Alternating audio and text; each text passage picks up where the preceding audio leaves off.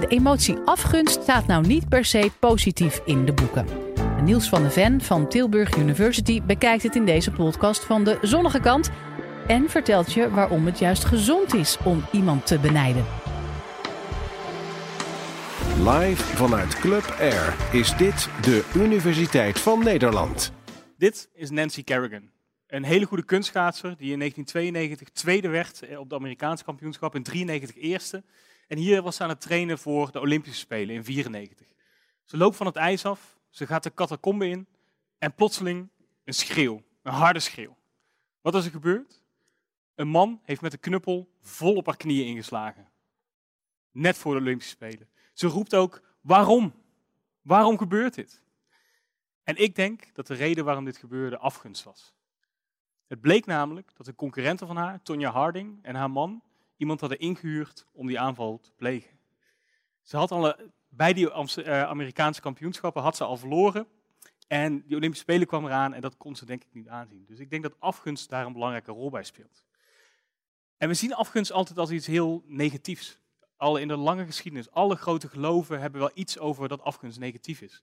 In de christelijke traditie uh, is een van de tien geboden, zet uw zinnen niet op het huis van een ander. En evenmin op zijn uh, vrouw, zijn slaaf, slavin, rund of ezel, wat hem ook maar toebehoort. En dat is dezelfde lijst als gij zult niet doden. Dus blijkbaar vonden we afgunst net zo belangrijk als gij zult niet doden. Uh, maar ook recenter, in, in sprookjes, in Disney-films komt het thema van afgunst vaak voor. Uh, Sneeuwwitje met de boze stiefmoeder die de giftige appel aan Sneeuwwitje gaf. Dus al lang hebben we het idee dat afgunst zoiets heel negatiefs is. Om in de wetenschap natuurlijk afgunst te bestuderen, moeten we wel een heldere definitie hebben. En het lastige in ons taalgebruik is dat we het vaak jaloers noemen. Maar eigenlijk is jaloers iets anders. En dat wil ik jullie even laten zien met, uh, met Ken en Barbie hier. Um, Ken, Barbie en Willem in dit geval. Uh, Ken en Barbie zijn een setje, dat weten we allemaal. En Ken is jaloers op het moment dat hij bang is om Barbie kwijt te raken aan Willem. Dat is wat we jaloezie noemen. Afgunst daarentegen is als Willem iets heel goeds doet en Ken omhoog kijkt en denkt, oh, hè, die frustratie die hij voelt omdat een ander het beter doet, dat is de kern van wat afgunst is. En afgunst is ook heel negatief. Dat blijkt ook uit wetenschappelijk onderzoek. Mensen die afgunstig zijn, roddelen over de ander. Ze ervaren meer leedvermaak als er iets negatiefs overkomt.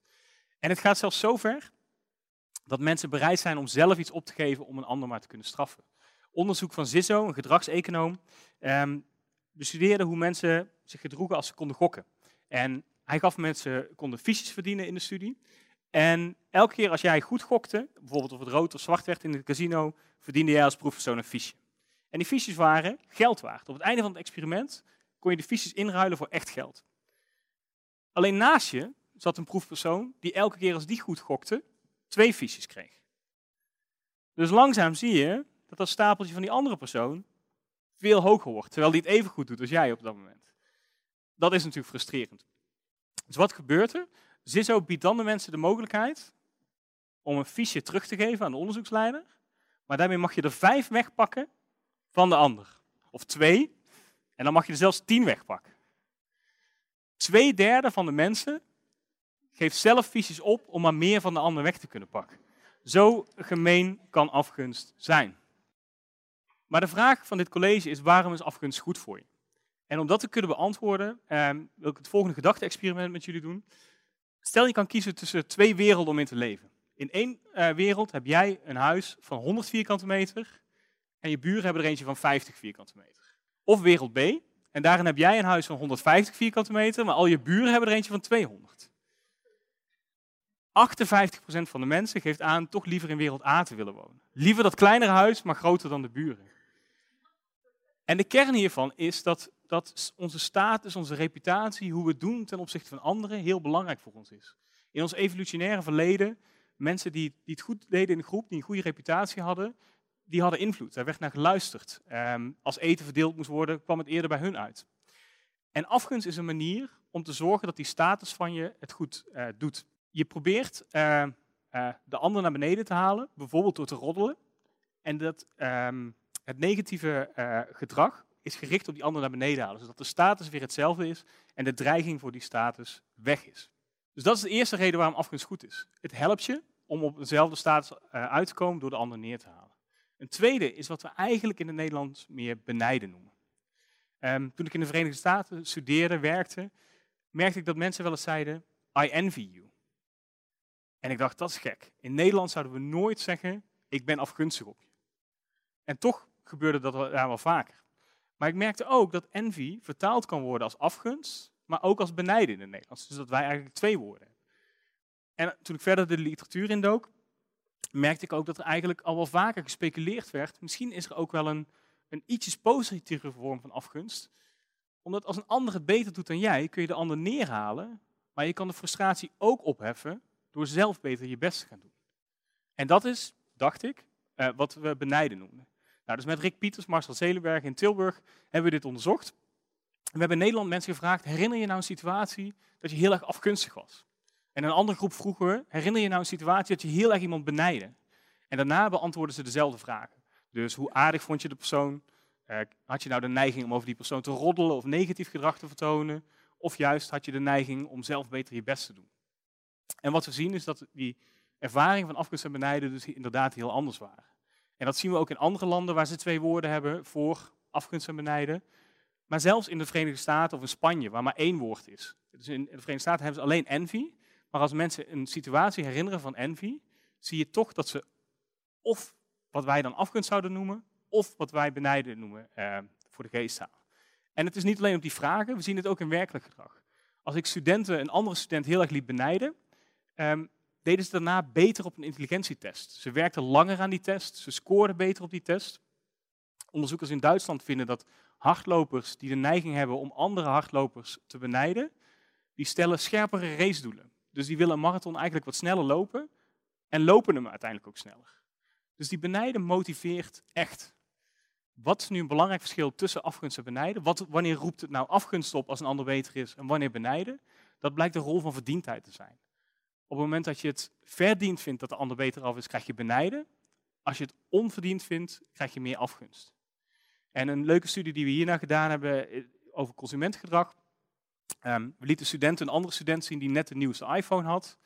En dat maakten we onverdiend. Door hem te laten zeggen, ja, dit is typisch een van die dingen die ik wel eens van mijn vader krijg. Of we maakten het verdiend, waarin hij vertelde, hier heb ik hard voor gewerkt om dit te kunnen kopen. En in die verdiende situatie zie je meer benijden en zie je dat mensen zelf ook bereid zijn om meer te willen betalen voor die nieuwste iPhone, die net die dingen kan die hun eigen telefoon niet kan. De status is belangrijk, benijden en die motivatie is belangrijk. Maar een derde reden waarom afgunst en benijden zo, zo interessant en zo belangrijk voor je zijn, is dat het ook een fijn signaal is. Als je aan mij vraagt wat ik belangrijk vind in het leven, dan is dat dat we goed voor elkaar zorgen, dat iedereen op de wereld gelijke kansen heeft om, om iets van hun leven te maken. Maar als je aan mij vraagt wie ik benijd, dan is het toch die collega met een fantastisch idee. Of dan is het toch als ik een kind zie wat net iets sneller kan praten of lopen dan bijvoorbeeld een van mijn kinderen kan. Dat, dat gun ik ze best, maar ik voel dan toch ergens wel een beetje die pijn van, oh, waarom kan mijne nog niet lopen? En als je kijkt waar ik werkelijk mijn tijd aan besteed in mijn leven, dan is dat niet aan die abstracte idealen over zorgen voor elkaar, gelijkheid. Dan is het aan die concrete dingen die benijden oproepen. Mijn werk, mijn kinderen, dat zijn de dingen die, die me echt raken. Dus dat benijden en afgunst is een fijn signaal voor je, um, die je aan kan geven wat je belangrijk vindt. Maar wat is belangrijk? In de tijd dat ik mijn proefschrift schreef, um, was iemand ook bezig om, al twee jaar bezig om van ijskooststokjes een boot te bouwen. Uh, heel knap, uh, helaas voor hem zonk de boot uiteindelijk. Maar dit deed niks met me. Heel knap, maar het deed niks. Dus wat is het nou? En de kern daarvan is dat het relevant moet zijn voor je. Het moet relevant zijn voor je identiteit. Hier vinden we ook een duidelijk geslachtsverschil. Um, mannen zullen niet snel uh, afgunstig zijn of benijden over relaties of een ring of dat soort dingen. Nee, mannen, voor mannen is werk of rijkdom veel belangrijker. Dus uh, in dit geval zien we Cristiano Ronaldo. Uh, kijk vooral naar zijn gezicht als Messi weer een keer een gouden bal wint. voor mannen is het status op het werk, prestaties op het werk, rijkdom die heel belangrijk zijn.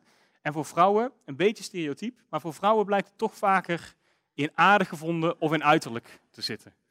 En ik hoop dat als de normen in de maatschappij een beetje wat gelijkwaardiger worden, dat dit ook verandert. Maar het laat wel zien dat dingen die relevant zijn voor bepaalde groepen, mannen en vrouwen in dit geval, ook ehm, terugkomen in wat afgunst en benijden oproept. Dus het moet relevant zijn voor je identiteit. Maar wat ook belangrijk is, is of iemand een beetje op je lijkt in het begin. Die oude buurjongen die het niet super goed doet, zal eerder benijden of afgunst oproepen dan iemand die je niet goed kent. Omdat bij die oude buurjongen, die had dezelfde kans, heeft misschien op dezelfde school gezeten. En dat roept veel meer het gevoel op, dat had ik ook kunnen zijn. En dat is eigenlijk de kern wat uh, benijden en afgunst hebben. En dat maakt het ook anders dan bewonderen. Als Pieter van de Hogeband goud wint op de Olympische medaille, vind ik het fantastisch. Ik bewonder hem echt. Maar ik heb nergens gevoel, dat had ik ook kunnen zijn in dat zwembad. Dat liggen niet mijn uh, kwaliteiten. Uh, maar omdat je die vergelijking niet maakt, wordt het makkelijker bewonderen en doet het ook geen pijn bij jezelf. Alleen bewonderen leidt niet tot een directe motivatie. Benijden, het is juist die pijn van benijden die je ertoe aanzet dat je nu iets wil doen. En bij bewonderen geven we ons er een beetje in over. Wat bewonderen wel doet, is dat het je inspireert om na te denken over wat je nu zelf eigenlijk wil. Dus meer een lange termijn focus over wat je wil. Benijden heeft dus allerlei goede kanten. Het signaal is belangrijk, maar hoe voorkom je nu echte afgunst? Als je toch die afgunst bij jezelf voelt, hoe zou je dat kunnen voorkomen? Nou, een goede manier om dat te doen is proberen de vergelijking minder te maken. In het uh, boek Liar's Poker uh, van Michael Lewis beschrijft hij het leven van bankiers in de jaren 80. En hij geeft aan dat er drie redenen waren, of drie manieren waren hoe bankiers reageerden op de bonus die ze kregen.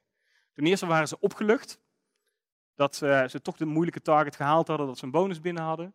Dan waren ze blij, als ze bedachten wat ze allemaal konden kopen met die mooie bonus.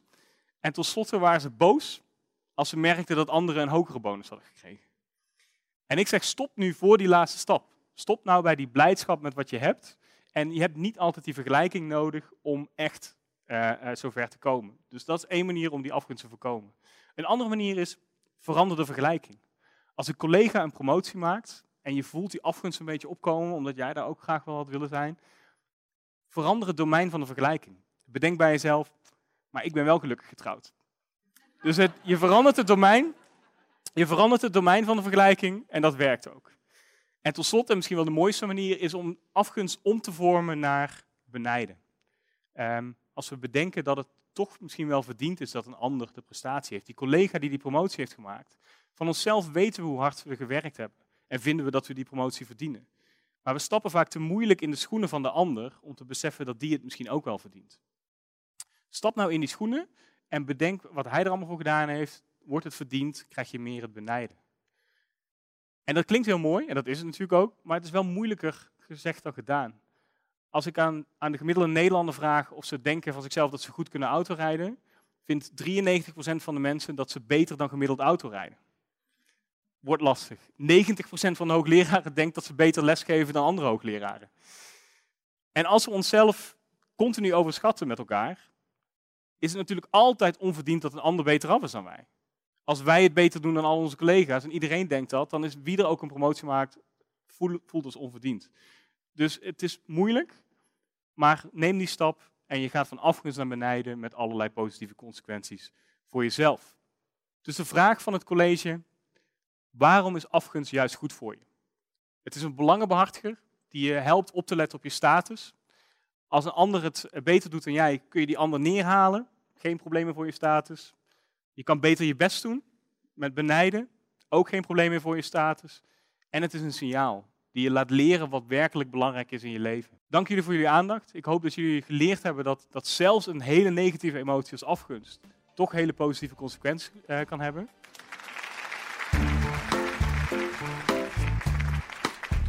Dit was de Universiteit van Nederland. Wil je nou nog meer horen, bijvoorbeeld over de vraag waarom zoveel millennials kampen met een burn-out?